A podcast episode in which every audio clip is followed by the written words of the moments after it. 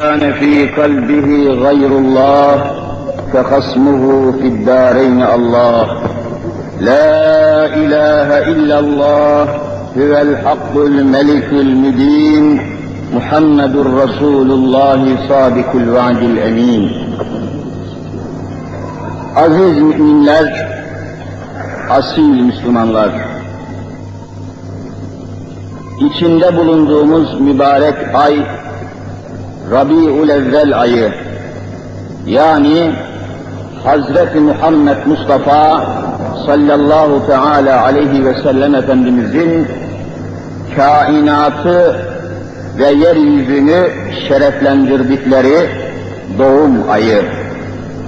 Onun dünyaya şeref verdikleri doğumlarının mukaddes ayı. Kameri aylardan Rabi'ül Evvel ayı.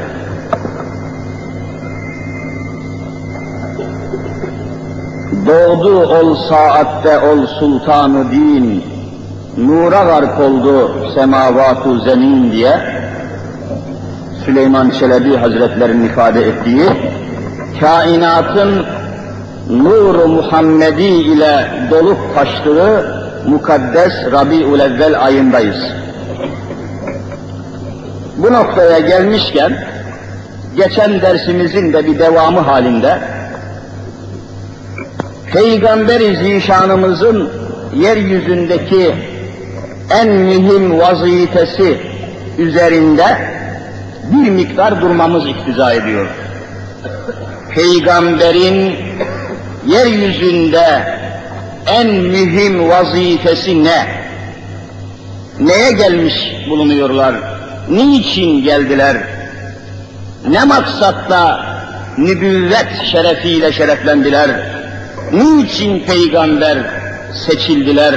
Rabbül Alemin niçin peygamber gönderdi? Efendiler, bunu yine Hazreti Kur'an'dan öğreneceğiz. Her zaman söylediğim gibi, nasıl ki yeryüzünde bal arılarının kaynağı çiçeklerdir, bal arısı çiçekten başka yerden faydalanmaz. Bal arısının kaynağı, menbaı çiçeklerdir. Müslümanın da kaynağı Hazreti Kur'an'dır. Müslümanın kaynağı. Ne kadar temiz görüyor musunuz? Ne kadar muazzez ve mukaddes bir kaynağımız var bizim. Onlar kaynaklarını nereden alırlarsa alsınlar. Ama Müslümanın kaynağı Hazreti Kur'an ve Hazreti Muhammed Mustafa'dır. Sallallahu aleyhi ve sellem. İkisi de vahiy kaynağıyla müeyyettir. Ne mukaddes kaynak. Şimdi oradan öğreniyoruz. Bizzat Hazreti Allah Celle Celaluhu Cenab-ı Paki Muhammed Mustafa aleyhissalatu ve safayı bizzat şöyle terbiye ediyor. Resul-i Zişanımızın terbiyecisi Allah'tır ha. Eddebeni Rabbi fe ahsene te'dibi diyor Resul-i Zişanımız. Beni doğrudan doğruya Allah terbiye etti. Onun için terbiyem çok üstün, Aliül Ala oldu diyor Resul-i Zişanımız. Onu Allah terbiye ediyor.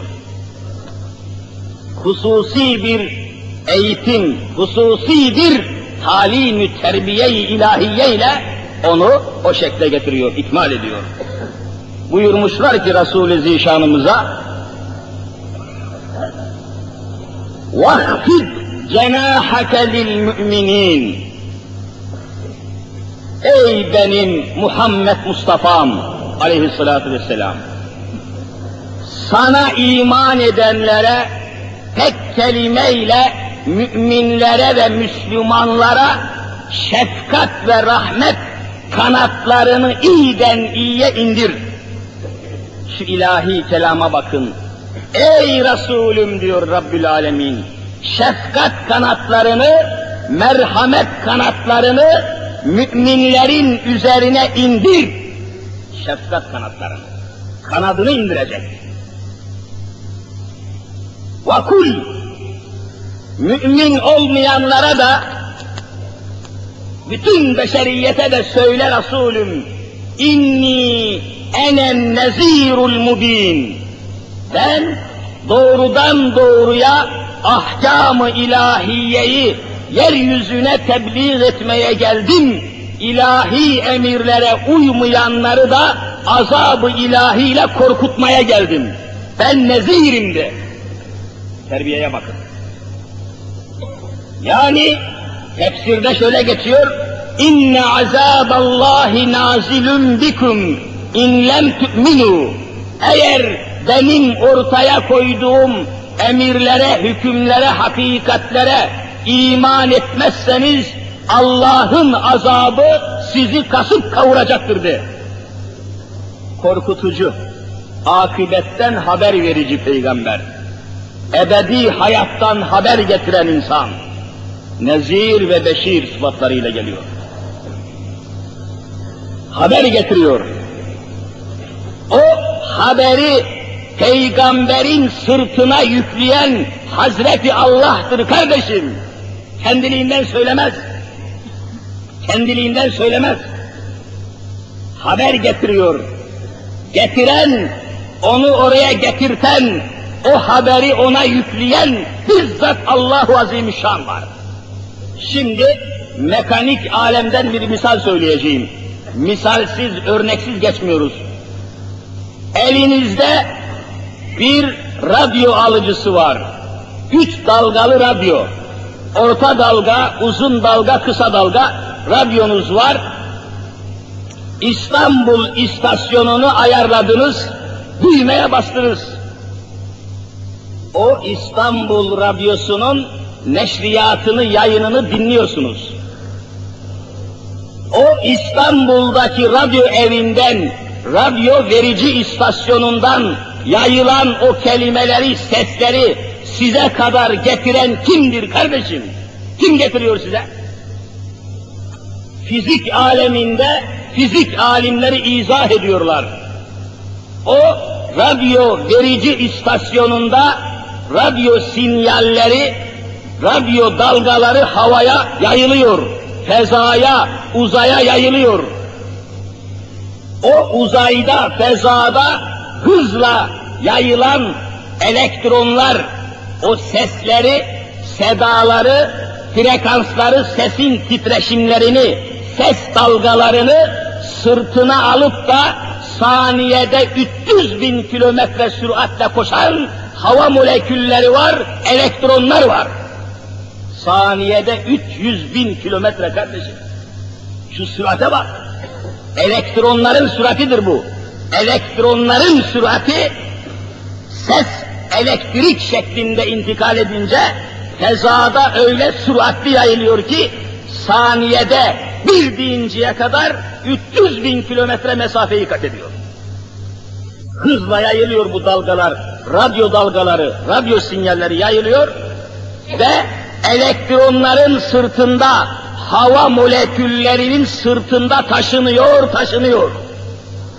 Hani nasıl ki eşyanızı bir takım vagonlarla trenler taşıyor, İstanbul Radyosu'nun ve yeryüzündeki bütün radyoların neşriyatını da sırtında taşıyan bir şey var.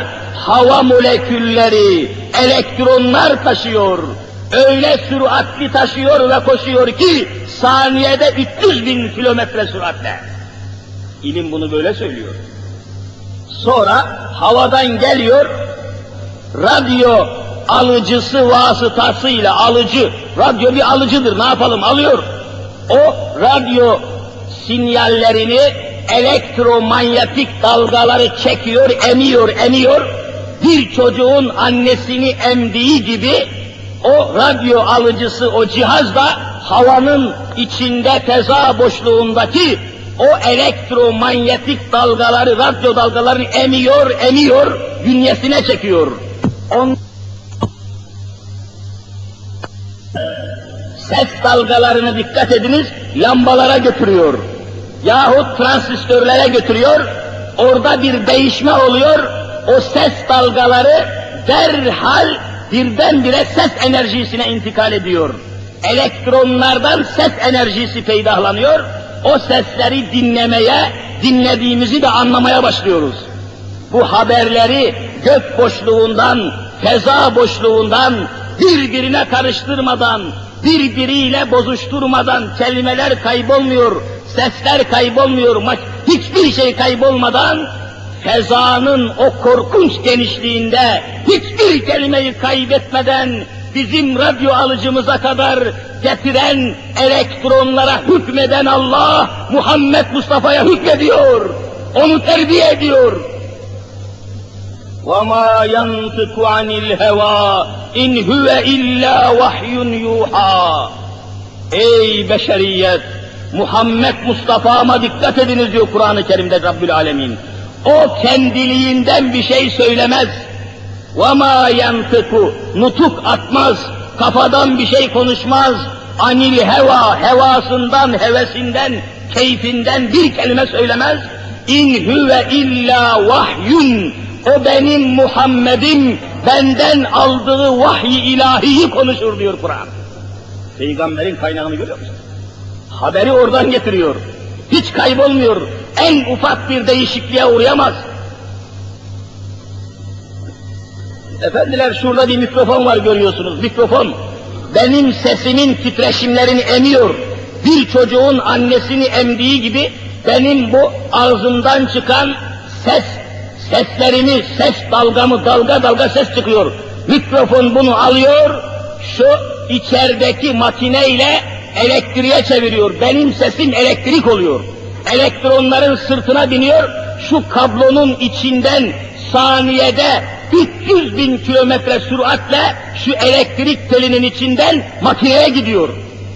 O makinede elektrikten tekrar ses enerjisine dönüyor, oradan hoparlörlere her tarafa yayılıyor. Kaybolmuyor. Peygamberler de böyle. Allah'tan aldıklarını vahiy ile alıyor, insanlara ebedi hayatın haberini getiriyorlar. Hiç yanlış olamaz, hiçbir aksi tecelli edemez bunları. Evet. O sadece nezir ve beşir. Yani insanların akıbetini haber veren kişiler. Yeryüzünde bu fani hayatın geçici dünyanın neticesinden ve akıbetinden akıbet veya ahiretten yalnız peygamberler haber verir. Başka kimse haber vermek de vazifeli değil. Nereden bilecekler sonra? İnsanın ve dünya hayatının neticesi ne olacak? Dünya tükenecek, bitecek, eriyip gidecek. Onun yerine ahiret hayatı tecelli edecek. İşte bu haberi getiriyor peygamber. Bu haberi getiren insan. Mühim bir insan, mühim bir vazifeyle geliyor. Bunu peygamberden başkasının getirmesi mümkün değil. Getirirken tabi insanlar gözüyle görmediği için gözüyle bizzat gözlerimizle göremediğimiz bir haberi, bir alemi, bir hakikati getirdiği için olabilir ki insan hemen inkar edebilir. Benim gözüm görmüyor, kabul etmem diyebilir. Resul-i Zişanımız buyuruyor ki şefkatle muamele et. Merhamet kanatlarının altına al. Burada kuşlara benzetiyor Muhammed Mustafa'nın şefkatini. Kuşları biliyorsunuz, o tavuklar civcivlerinin üzerine ne kadar kanatlarını gererler, hepiniz biliyorsunuz. Kanat, cenah, Arapça kanat demektir, cenah. Cenaheyn iki kanat, zül cenaheyn iki kanatlı, daha ziyade kuşlarda hakikat manasına, peygamberde mecaz manasına kullanılıyor. Mecazi manada. Nasıl o kuşların üzerine anneleri, anne kuş kanatlarını geriyor, güneş yakmasın civcivleri, soğuk üşütmesin, yabancı bir şey çarpmasın diye o anne kuş kanatlarını nasıl civcivler üzerine geriyorsa, Resulüm benim Muhammed Mustafa'm, sen de şefkat kanatlarını ümmeti Muhammed'in üzerine gel diye emir veriyor Cenab-ı Hak. Üzerine gel. Onlar müminlerdir. Resul-i Zişan'a edep öğretiyor, terbiye veriyor Rabbül Alemin, onu bizzat terbiye ediyor. Fakat o kanatların altında toplanmak lazım ha. Sen toplanacaksın ki Resul-i Zişan seni şefkat kanatlarının altına alsın. Dağılırsan, çekilirsen, kaybolursan, o kanadın altına girmezsen kahrolursun. Şefkat kalmaz orta yerde. Sen gideceksin. Sünnete tabi olup kanatların altına sığınacaksın. Bugünkü yeryüzündeki Müslümanların perişanlığını görüyor musunuz? Zulüm altında her çeşit baskının, kahredici sefaletin, mahvedici fakirliğin, rezaletlerin, sefaletlerin altında inim inim inleyen İslam dünyası, Amerika'nın baskısı altında kalan, Rusya'nın tehdidi altında kalan, bin bir kafir devletlerin tahribatı ve sömürgesi altında kalan İslam dünyası Muhammed'in kanatları altına sığınmadıkça kurtulamayacaklar. Tek sığınak ve tek şefkat yatağı orası olacak. Kurtulamazlar. Efendiler, kuşların yavrularına gösterdiği şefkate benzetiyor. Resul-i Zişanımızın tavrını böyle izah ediyor. Bu noktaya gelmişken kuşlar üzerinde çalışan bir ilim adamının, bir profesörün tespitini anlatmadan geçmeyeceğim. Kafanızda kalırsa iyi olur ve bir ibret sahnesi halinde tecelli eder. Kuşlarla alakalı ilmi çalışmalar yapıyorlar. Karıncalarla alakalı, kuşlarla alakalı, bal arısıyla alakalı ilmi çalışmalar var. Çalışma. Bütün bunları takip ettiğiniz zaman göreceksiniz hayret verici şeyler var. Mesela diyor ki ilmi eserlerde bir bal arısı var ya kardeşim bal arısı küçücük bir hayvan bal arısı yarım kilo bal yapabilmek için yarım kilo bal meydana getirmek için bahçelerde, kırlarda, etrafta, dışarıda çiçeklerin üzerine konmak için, çiçeklerden çiçek tozları, palen tozlarını toplamak için, yarım kilo bal meydana getirmek için 37 bin kilometre uçuş yapıyor diyor. 37 bin kilometre uçuş yapıyor ki yarım kilo bal meydana getirsin. Bu ne sürat, bu ne çalışma, bu ne gayret, bu ne vazifedir kardeşim. Ve yine ilmi, bu konuda çalışan ilim adamlarının tespitine göre bir bal peteğini, yuvarlak bir bal peteğinin içini bütünüyle bal ile doldurmak için bir arı bir sene zarfında 31 milyon kilometre uçuş yapmak zorunda kalıyor. Bu ne hakikatler, ne gayretlerdir. Cenab-ı Hak bunlara nasıl bir istikamet ve potansiyel vermiştir. Kuşlar üzerinde de çalışmışlar. Profesörün elimizde tespitleri var. Diyor ki, elindeki cihaz ile dürbün gibi, hani bir dürbün vardır, dürbünle bakarsanız uzağı yakınınıza getirir görürsünüz.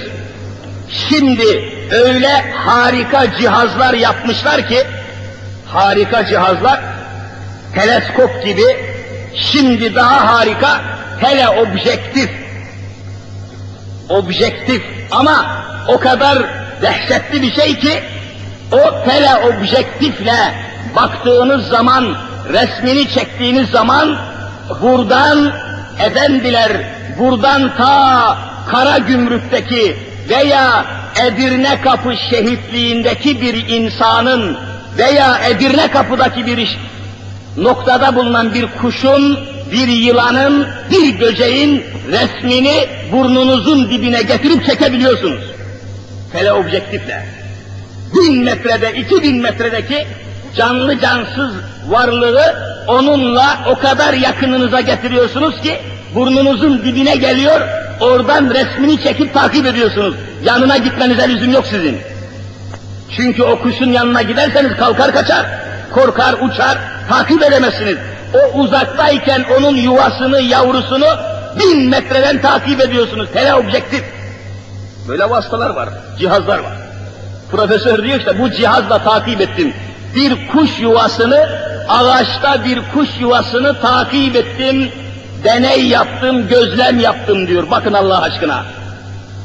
Üç tane yavrusu var kuşun, yumurtadan çıkmışlar, cik cik cik seslerle yuvada çırpınıp duruyorlar. Bir de baktım ki diyor, anne kuş havadan uçuş yaptı, geldi, ağzında bir takım gıda maddeleri, o yuvanın içinde henüz uçamayan kuşlar ağızlarını yukarıya doğru açtılar, cik cik diye ciyat ciyat bağırıyorlar, ağlıyorlar.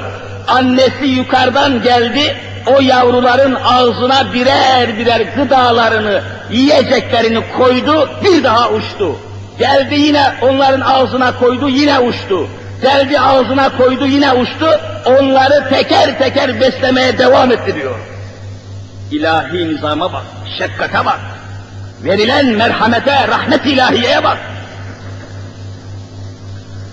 Bir de ne göreyim diyor profesör. Bir de baktım ki simsiyah bir yılan ağacın dalından süzüle süzüle o kuşun yavrularını yutmaya geliyor diyor. Simsiyah canavar misali bir yılan ağzını açmış o yuvadaki civcivleri, o kuşun yavrularını yutmaya ve yemeye geliyor. Daha iki metre, üç metre mesafe varken o yılanın geldiğini hissettiler, o kuşun yavruları cik cik diye ağlamaya, feryat etmeye başladılar diyor. Nereden tespit etti, nereden anladı? Bir feryadu figan koptu yuvada diyor profesör. Birdenbire bu sesleri nasıl işitti, bu kuş yavrularının bu feryadını nereden işitti, bu sinyalleri, bu feryadı nereden aldıysa, o yavru kuşların annesi birdenbire geldi. Birdenbire geldi, kanatlarını açtı, şaşırdı, çıldırdı, ne yapacağını anlayamaz hale geldi. O yılanın üzerine kondu kaptı, kondu kaptı diyor. Fakat bir şey yapamıyordu. Yılanı nasıl durdurabilirdi? Nasıl önleyebilirdi? Çırpındı, ağladı, sızladı, tekrar uçuş yaptı diyor. Uçtu gitti. Kısa bir zaman sonra o yılan nihayet bir metre yaklaştı yuvaya. Tam o esnada bir telaşla, bir aceleyle o anne kuş havadan geldi diyor profesör. Geldi. Ağzında, dadasında bir şey getiriyordu. İyice fark edemedim. Teleskopla, teleobjektifle anlayamadım. Yılanın üzerine eğildi, eğildi, yumuşak iniş yaptı. Yılan da zannetti ki o kuş kendisine yem olacak. Yavrularını kurtarmak için adeta o yılana yem olacak noktaya geldi diyor. Tam indi, birkaç santim yaklaştı, o yılan ağzını açtı, o kuşların annesini yutmak isterken ağzını açtığı sırada getirdiği bir şeyi gagasından yılanın ağzına aktardı ve bıraktı diyor profesör. Ve yılan diküldü, kıvrandı, dolandı ve derhal öldü, leş gibi yere yığıldı yılan diyor. Öldü, hiçbir şey kalmadı. Hemen yaklaştım diyor yakına, yanına geldim, baktım ki ne göreyim, o akrep e, yılan ağzını açtığı zaman kocaman bir akrebi yılanın ağzına getirmiş, ortasına bırakmış diyor. Ve yılanı zehirliyor. Bu zehiri ona öğreten kim? O kuşu terbiye eden kim?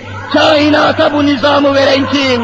Bu ahengi, bu ölçüyü koyan kim? Yeryüzünü bütün canlı cansız mahlukatın bir mektebi, bir fakültesi, bir üniversitesi haline getiren kim? Allahu Teala'yı niçin nesillere, niçin gençlere okutmuyorsunuz, niçin Allah'ı tanıtmıyorsunuz diye zihinlere korkunç bir ürperti gelmektedir.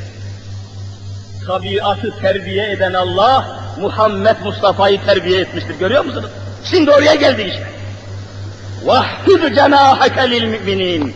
Muhammed Mustafa'm müminlerin üzerine kanatlarını ger.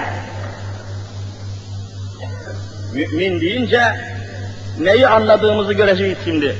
Mümin, nasıl bir mümin? Resul-i Zişan'ın kanatlarının altına girmesi gereken mümin nasıl bir mümin olmalıdır? Sahabeden bir misal vermeden geçmeyeceğim. Ashab-ı kiram, Rıdvanullahi Teala aleyhim ecmain, sahabe-i kiram. Bakınız, Zeyd ibn Sabit radıyallahu anh anlatıyor. Zeyd ibn Sabit, ne mukaddes sahabidir bu. Zeyd ibn Sabit'in hakkında konuşmaya devam etsek, üç gün devamlı konuşsak bitiremeyiz onu faziletini. Zeyd ibn Sabit bizzat şunu anlatıyor. Bakınız, aynen İslam tarihinden Arapça okuyorum. Be'aseni Resulullah sallallahu teala aleyhi ve sellem yevme Uhud Zeyd ibn Sabit diyor ki Uhud harbinde Uhud harbi var ya meşhur biliyorsunuz. Uhud cengi, Uhud harbi. Uhud harbi nihayete erdi. Savaş bitti, sükunet geldi. Bizzat beni Hazreti Resulullah sallallahu aleyhi ve sellem savaş meydanına gönderdi. Niçin? لِتَلَبِ سَعْدِ بْنِ الرَّبِيعِ Hazreti Sa'd ibn Rabi'i aramak için beni Uhud savaşının yapıldığı meydana gönderdi diyor Zeyd ibn Sabit. Hele git bakalım bu Sa'd ibn Ebi Rabi' nerededir? Nerede kaldı? Git araştır bana Hazreti Sa'd'dan bir haber getir diye Resulullah beni Uhud meydanına gönderdi diyor. Ve kâleli beni gönderirken de şu talimatı verdi ve bana dedi ki İn ra'eytehu eğer muharebe meydanında Sa'd ibn Rebi'i görürsen görürsen fakra'hu minni selam benden ona selam söyle. Savaş meydanında yaralı ve perişan bir manzara halinde görürsen söyle ki ey Sa'd sana Allah Resulü selam söylüyor. Selamımı söyle. Fakrahu minni selam. Benden selam oku ona. Ve kullehu ve ona söyle ki ve ona söyle ki ve kullehu yekulu leke Resulullah sana sormamı aynen bana söyledi ki keyfe tecidüke bu savaşta Uhud harbinde aldığın yaralar, senden akan kanlar, senin canına dokunan bu müthiş darbelerden sonra kendini nasıl buluyorsun? Bu savaşta, bu meydanı muharebede kendini nasıl buluyorsun? Keyfe tecidüke. Ne haldesin diye sormamı istedi. Kale Zeyd ibn Sabit devam ediyor. Fecealtü etufu beynel katla şehitler arasında Sa'd ibn Rebi'i aramaya koyuldum. Şehitler arasında Hazreti Sa'd'ı aramaya başladım, aramaya koyuldum. Fe esabtuhu birdenbire ölüler arasında Peygamberimizin git ara bul, bana haber getir dediği Sa'd'ı birdenbire buldum diyor. Yakaladım, buldum. Ve hüve fi ahiri remak neredeyse son nefeslerini vermek üzereydi. Savaş meydanında. Ramak kalmış ölüm. İbn-i Sabit, yetmişten ziyade kılıç yarası ve mızrak yarasından vücudunda sağlam tek yer görünmüyordu. Mızraklarla, kılıçlarla paramparça edilmiş vücudu. Son nefesini verirken yakaladım. Fekultü lehu Sad'i öyle görünce ona dedim ki, Ya Sad, ey Said, inne Resulallah sallallahu aleyhi ve sellem, Allah Resulü yakra'u aleyke selam, sana selamını gönderdi benim vasıtamla dedim. Sana selamımı gönder, selamını gönderdi. Sana selam söylüyor Resulullah dedim. Ve yekulu leke ve sana soruyor ahbirni keyfe tecidük kendini nasıl buluyorsun, ne alemdesin, ne hissediyorsun, ne anlıyorsun diye bana haber vermeni istedi. Kale son nefesini vermekle meşgul olan büyük mümin, büyük sahabi Sa'd ibn Rabi' dedi ki ala Resulillah ve aleykesselam. Allah Resulü'nün bana gönderdiği selam senin ve Resulullah'ın üzerine olsun. Selamı aldı hemen. Kullehu git hemen Resulullah'a söyle ki hemen Resulullah'a söyle ki ya Resulallah ecidü rihal cennet vallahi nefesimin son dakikalarını yaşarken cennetin kokusunu aynen alıyorum ya Resulallah. Şu hakikate bakınız. Bir hakikat bu kardeşim. Cennetin ecidü rihal cennet. Cennetin kokusunu alıyorum. Git Resulullah'a söyle, hiçbir endişem yok. Cennet kokusunu, sen bu kokuyu alamıyorsan, sende kusuru araman lazım. Eğer senin elindeki radyo, ta dünyanın bilmem neresindeki radyo istasyonunu çek, bütün bu hakikatleri yaymış, onu sen alacaksın. Besleyeceksin ruhunu Kur'an ile, besleyeceksin ruhunu, ruhundaki potansiyeli namaz kılmakla. Yoksa maskaralar gibi ben namaz kılmam ama benim kalbim temizdir diyenden daha alçak insan olamaz dünyada. Bu söz insanı küfre götürür. Efendiler Kur'an söyle sesleniyor. Bizim kaynağımız söyle sesleniyor. Ela bi zikrillahi tetmainnül kulub. Sadakallahul azim. Suud olabilir diyor. Allah'ın sözü bu, öbür maskara ben namaz kılmam ama benim kalbim temizdir diyor. Allah'ın ayetini ve Kur'an'ı açıkça inkar ediyor. İnkar ediyor. Böyle mazeretlerle nereye gidiyorsun kardeşim? Allahu Teala sana bütün rahmetini göndermiş. Sen malınla, mülkünle ona isyan mı ediyorsun? Güzelliğinle, gözünle, kaşınla, elinle, ayağınla Allah'a isyan mı ediyorsun? Sen mi, bu elleri sen mi taktın sana? Bu ayakları sen mi taktın sana? Bu gözlerini sen mi taktın sana? Bu kaşlarını sen mi ölçtün? Burnunu sen mi koydun? Kulaklarını sen mi taktın? Nasıl Allah'a isyan ediyorsun? Ana rahminde bu elleri sana takan Allah'tır. Ayaklarını ana rahminde sana veren Allah'tır. Gözlerini, kulaklarını ana rahminde en güzel şekilde ayarlayan, monte eden, montaj nizamını tespit eden, seni ana rahminde hayata hazırlayan Allah'tır. Allah'ın hazırladığı vücut ile, Allah'ın verdiği rızık ile sen Allah'a isyan edemezsin. Allah'a isyan edemezsin. Kız kardeşim, ey Allah'a isyan eden kız kardeşim, ey kaldırımlarda bacağına geçirdiği Amerikan haydutlarının giydiği kot pantolonunu bacağına geçirip iki bacağıyla etrafa zina ve şehvet alametleri yayan ve ey Allah'a isyan eden kız kardeşim, o bacaklar senin değil, o çok hoşuna gittiğin gözlerin, kulakların, kaşın, gözün aynanın karşısına geçerek hoşlandığın gözlerin, hoşuna giden yüzün, hoşuna giden dudakların, sen hazırlamadın, onları ana rahminde sana veren Allah'tır. Niçin isyan ediyorsun? Allah'ın verdiğiyle Allah'a isyan etmek ne korkunç, ne korkunç bir felaket, ne korkunç bir fasit dairedir bu. Senin rızkını ayağına gönderen Allah'a isyan mı ediyorsun? Sana rahmeten lil alemini gönderen Muhammed Mustafa'ya isyan mı ediyorsun?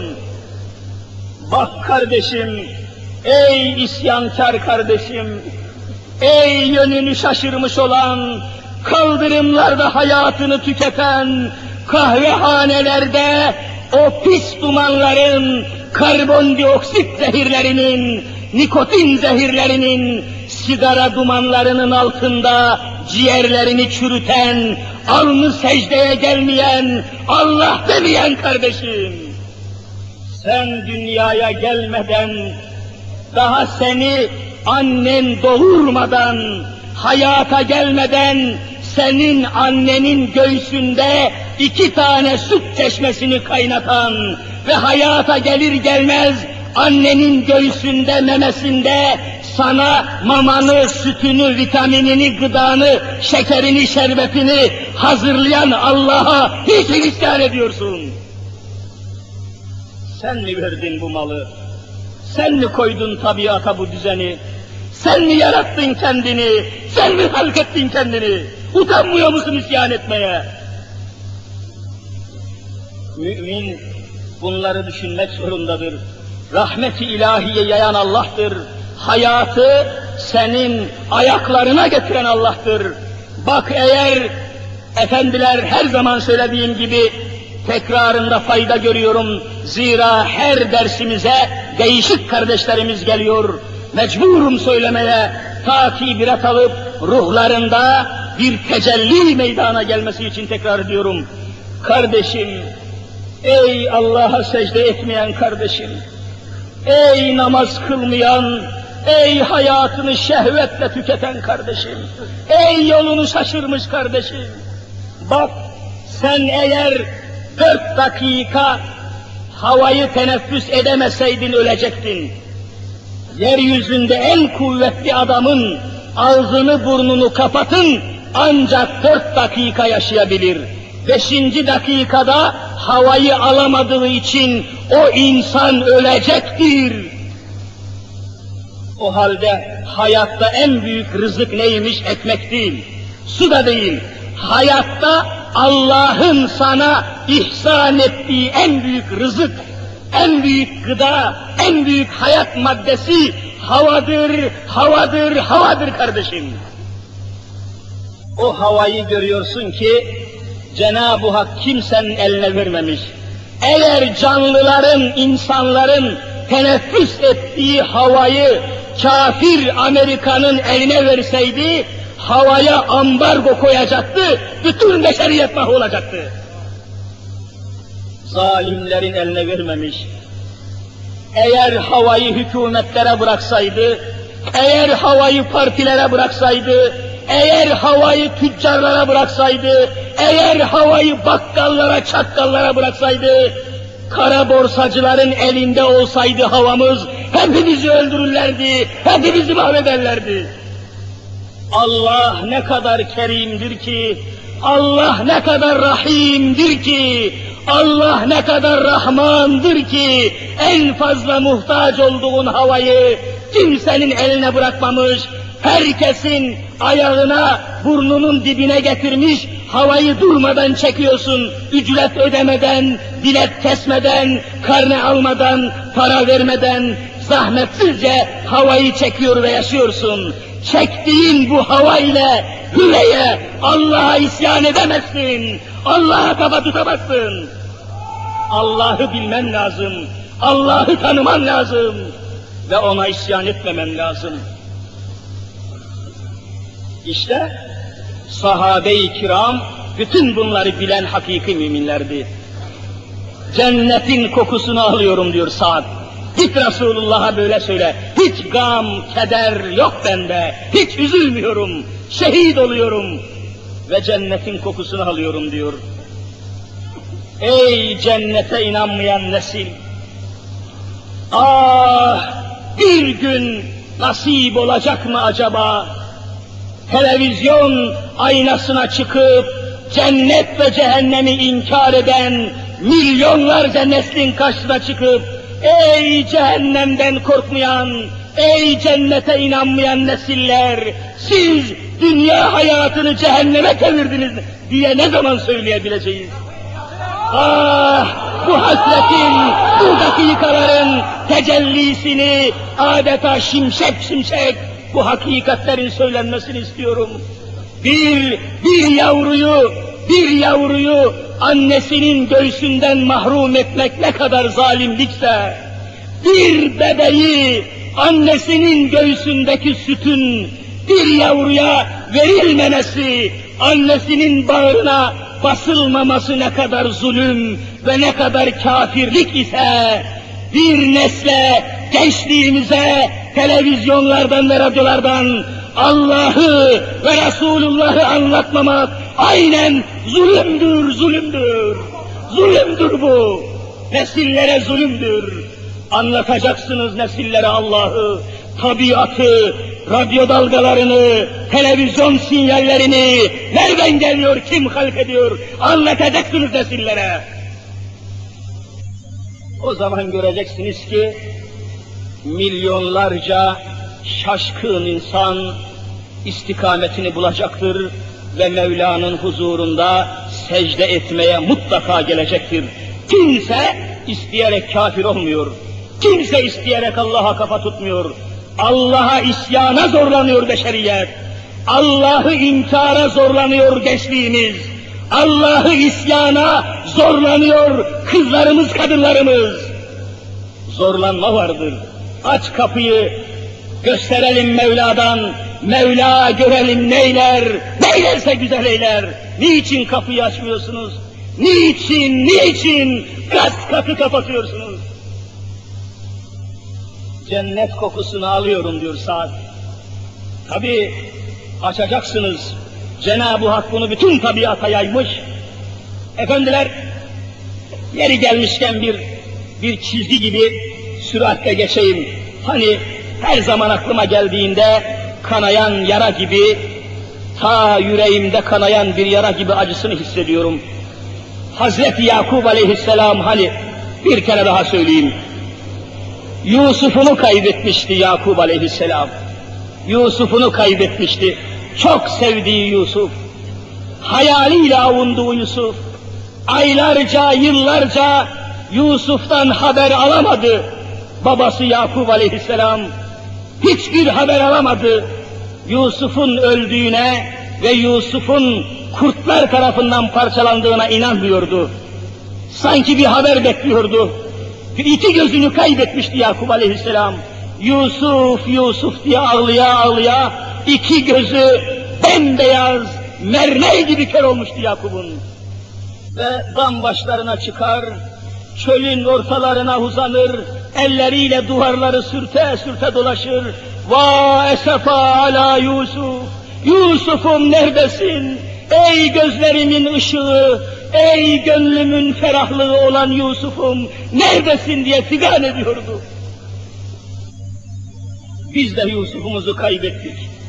Bu neslin gözünün kör olması, kalp gözlerinin kör olması, bu neslin eline bombayı ve silahı alıp, milletine ve devletine, memleketine kurşun sıkması, onun kör olduğunu gösterir. Kör olmasa öz yurduna kurşun sıkar mı? Kör olmasa bu nesil öz vatanını parçalamak ister mi? Biz Yusuf'umuzu kaybettik. Bizim kaybettiğimiz Yusuf şu Kur'an-ı Kerim'dir. Kur'an'ı kaybettik Ne zaman şu Kur'an'a sarılırsak, ey Kur'an kucakla bizi, ey Resulullah kucakla bizi dersek o zaman kurtulacağız.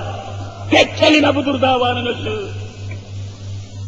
Sonra Yusuf bulundu, Mısır'da sultan olmuştu. Mısır'da sultan olmuştu. Yusuf'un kardeşleri gitmiş, görmüş, tanımış, uzun hadise. Sonunda Yusuf kardeşlerine demişti ki, madem babamın gözleri görmüyor, çok üzülüyor, çok figan ediyor, süratle babama haber götürün. Çabuk babama giderken de babama giderken de şu gömleğimi beraber götürün. Gömleğimi babamın yüzüne atın. Gözlerine gömleğimi sürer sürmez gözleri açılacaktır demişti Yusuf Aleyhisselam. Sürün gözlerine gömleğimi. Ah şu kapalı gözlerimize Kur'an'ı bir sürüp uyansak bütün kainat vallahi bize gelecektir. Kardeşlerim, Kur'an-ı Kerim hadiseyi ne güzel teşhis ediyor, ne güzel haber veriyor. Buyuruyor ki, وَلَمَّا فَصَلَتِ الْعِيرُ قَالَ أَبُوهُمْ إِنِّي لَأَجِدُ رِيحَ يُوسُفَ levla en tufennidun. Kur'an haber veriyor ki kervan Yusuf Aleyhisselam'ın gönderdiği kardeşlerinin kervanı, kervan, deve kervanı Mısır'dan ayrılır ayrılmaz fesalet, infisal ayrılmak manasına. Yani diyor, Mısır ile Kenan arasında üç aylık mesafe var. Kervan Mısır'ı terk ettiği dakikada وَلَمَّا فَصَلَتِ الْعِيرُ Kervan ayrılır ayrılmaz ta üç aylık mesafedeyken birdenbire Kenan'da Yakub aleyhisselam ayağa kalkmaya başladı, çırpınmaya başladı ve kâle ebuhum o çocukların babası, Yusuf'un babası, Yusuf'un kardeşlerinin babası inni le ecidu riha Yusuf vallahi Yusuf'umun kokusu geliyor.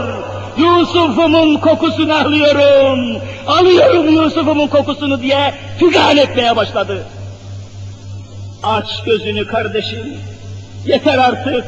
Avrupa'nın kirlettiği koku, Avrupa'nın kirlettiği hava ciğerlerimizi çürüttü. Muhammed Mustafa'dan kokularımızı alamaz oldu. Amerika'nın durmadan köpürttüğü şehvet kokuları, televizyonda yayınlanan bin bir rezalet programları havamızı kirletti. Habibullah'ın kokusunu alamıyoruz, alamıyoruz ya Resulallah. Kirlendi havamız, kirlendi kalbimiz, kirlendi bütün atmosferimiz, her şeyimiz kirlendi. Aç gözünü kardeşim, Yusuf'unu arayan Yakup gibi figan eyle. Yusuf'unu arayan Yakup gibi ümidini kaybetme. Bir gün İslam'ın güneşi tekrar doğacaktır inşallah. Umudunu kaybetme. Umudunu kaybetme. Burnunun deliklerini tıkama. Kalbini karartma. Allah'a secde et. Allah'a imanını kamil eyle. Ve tabi nesline ve nefsine mutlaka hakim ol. Mutlaka hakim ol. Efendiler, Sa'd kullehu ya Resulallah ecidü rihal cennet. Git Resulullah'a söyle ki cennetin kokusunu alıyorum dedi Sa'd. Uhud savaşının sonunda 70 yerinde ok yarası, bıçak yarası böyle söylüyor Sa'd. Ve devam ediyor. Kulli kavmi, git benim de kavmime, kabileme söyle.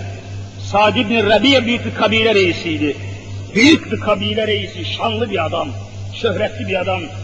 Resul-i Zişanımız gidin onu arayın demesi bu.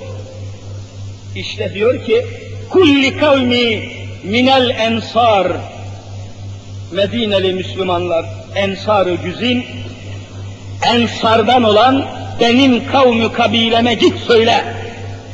Git söyle. La uzra lekum indallahi en yahlisa ila Resulillah ve fikum şufrun yatruf. Aynen öyle söylüyor Sa'd. Diyor ki Zeyd ibn Sabit'e Resul-i Zişanımıza git selam söyle. Ben şimdi ruhumu teslim ediyorum, cennetin kokusunu alıyorum. Kavmime ve kabileme de söyle ki Allah Resulüne zerre kadar bir kötülük ilişirse, eğer onların da gözleri oynayacak kadar kaşlarını ve gözlerini oynatacak kadar canları ve sıhhatleri oldukça Resulullah'ı muhafaza etmezlerse, Resulullah'a yardım etmezlerse, Resulullah'a destek olmazlarsa, Resulullah'ın eteklerinden tutmazlarsa, mahşer günü hepsinin aleyhine davacı olurum diyorsa. Sen canlanmalısın, sen dirilmelisin, sen Allah'a mutlaka sarılmalısın. Böyle söyledi. Zeyd ibn Sabit diyor ki bunları söyledi. Vefadat nefsuh. Nefsi kaydı gitti. Ruhu bedenini terk etti. Demin kokusunu alıyorum dediği cennetine uçtu gitti diyorsa. Hayatı cehenneme çevirmedi mi? Cennet ve cehenneme inanmayan tüccar, kara borsacı olarak erzakımızı kesmedi mi? Cennet ve cehenneme inanmayan öğretmenler gençlerimizi çılgına ve düşmanca saldırıya getirmediler mi? Cennet ve cehenneme inanmayan nesiller caddeleri ve sokakları ateş meydanı haline getirmediler mi? Cennet ve cehenneme inanmayan kadınlar adeta satılık kadınlar gibi şehvet pazarlarında satılmadılar mı? Cennet ve cehenneme inanmayan memurlar rüşvet alıp memleketin kanunlarını işlemez hale getirmediler mi? Cennet ve cehenneme inanmayan çocuklar annesine koca karı, babasına moruk demediler mi? Cennet ve cehennem inancı bu imanı gönüllere koymadıkça hiçbir kanun maddesi ıslah edemez toplumları. Öyleyse niçin ölüyorsunuz? Niçin kafa tuttuğunuz Allah'ın ölüm kanuna teslim oluyorsunuz? Hayatta kalan kimse yok. Allah yolunda ölürseniz şerefiniz vardır. Yoksa şerefiniz beş para etmez dünyada. Efendiler, İbni Abbas anlatıyor. Bir sahne daha arz ediyorum. Cehennem korkusunun nasıl sahabe-i kiramın yüreklerine oturduğunu anlatmak için. İbn Abbas radıyallahu teala anhuma bizzat şöyle anlatıyor. Diyor ki Hazreti Ömerül Faruk yaralandı. Yaralandı. Biliyorsunuz İslam tarihinde Hazreti Ömer, Hazreti Osman, Hazreti Ali bu üç mukaddes sahabi şehit olarak ölmüşlerdir. Şehit. Hazreti Ömerül Faruk'u Ebu Lü'lü isminde mecusi bir köle hançerle öldürmüştür. Mecusi yani İranlı, İranlı, kafir İranlı bir mecusi köle köle Ebu Lü'lü isminde bir melun tarafından hançerle zehirleyerek Ömer şehit edilmiştir. İşte o zaman anlatıyor İbn Abbas diyor ki Hazreti Ömer yaralandığı ve hançerlendiği zaman yanına gittim. Ubeşşiru bil cenne. Seni cennetle müjdeliyorum ya Ömer dedim. Sen cennetliksin deriz ya hani bazı iyi insanlara. İbn Abbas da gitmiş yaralı yaralı Hazreti Ömer'in yakınına sokulmuş. Ey Ömer sen cennetliksin. Seni cennetle tebşir ederim. Ubeşşiru bil cennet diyor. Sahatte Resulallah. Allah Resulüne sahabelik ettin. Onun arkadaşlığını yaptın. Fe ekalte sohbetehu. Allah Resulü'nün sohbetinde yetiştin. Bol bol sohbeti Muhammed Mustafa'yı dinledin, devam ettin. Valleyte emral müminin. Müminlerin devlet başkanlığını aldın. Halife oldun ya Ömer dedim diyor. Fekavveyte kuvvetle İslam devletini idare ettin. Ve eddeytel emane emaneti yerine getirdin. Tam hakkını verdin ya Ömer. İşte seni bunun için cennette müjdeliyorum deyince fekale yarasından kanlar akarken dehşet içinde Ömerül Faruk şöyle seslendi diyor. Emma tebşiruke iyyâye bil cennet. Beni cennetle müjdelemene gelince ey İbn Abbas fevallahi bakın yemin ediyor. fevallahi lezi la ilahe illahu. Allah'tan başka hiçbir mabud olmadığı hakikatine ve böyle olan Allah'a yemin ederim ki lev enne dünya ve ma fiha. Bütün dünya benim olsa dünyayı dolduran malım ve mülküm olsa lettebeytü bihi min hevli ma emami. Cehennem azabının korkusunu defetmek için bütün dünyamı vallahi verirdim diyor. Cehennem korkusu beni yakıyor. Olur ki beni Cenab-ı Hak azap eder, olur ki beni cehenneme atar diye korkuyorum. Bu korkudan dolayı dünyalar dolusu mülküm olsa hepsini vermeye hazırdım diyor Ömer Faruk.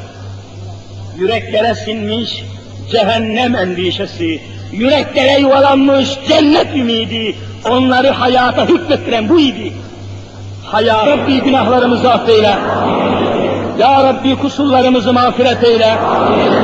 Ya Rabbi huzurunda bizi toplayan sensin. Cennetinde de toplanmak nasip eyle. Her nefesimizde kelime-i şehadet ki aşk ile buyurun. Eşhedü en la illallah ve eşhedü enne Muhammed